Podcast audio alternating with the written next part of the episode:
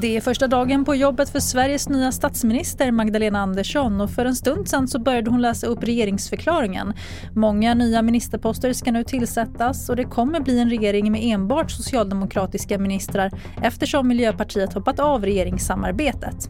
Du kan följa det senaste på tv4.se. Och under tisdagsmorgonen har ett snöoväder som dragit in över västkusten orsakat trafikolyckor och långa köer.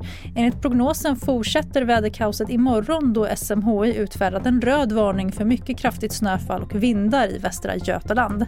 Även då väntas trafiken påverkas med förseningar och inställda avgångar.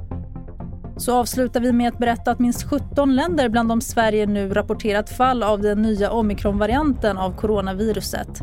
Vaccintillverkaren Modernas vd säger till Financial Times att vaccin mot covid-19 med största säkerhet inte kommer vara lika effektivt mot den nya virusvarianten. För att fungera mot omikron måste det nuvarande vaccinet ändras vilket kommer ta månader. Fler nyheter hittar du på tv4.se och i nyhetsappen. Mitt namn är Tanna Edlath.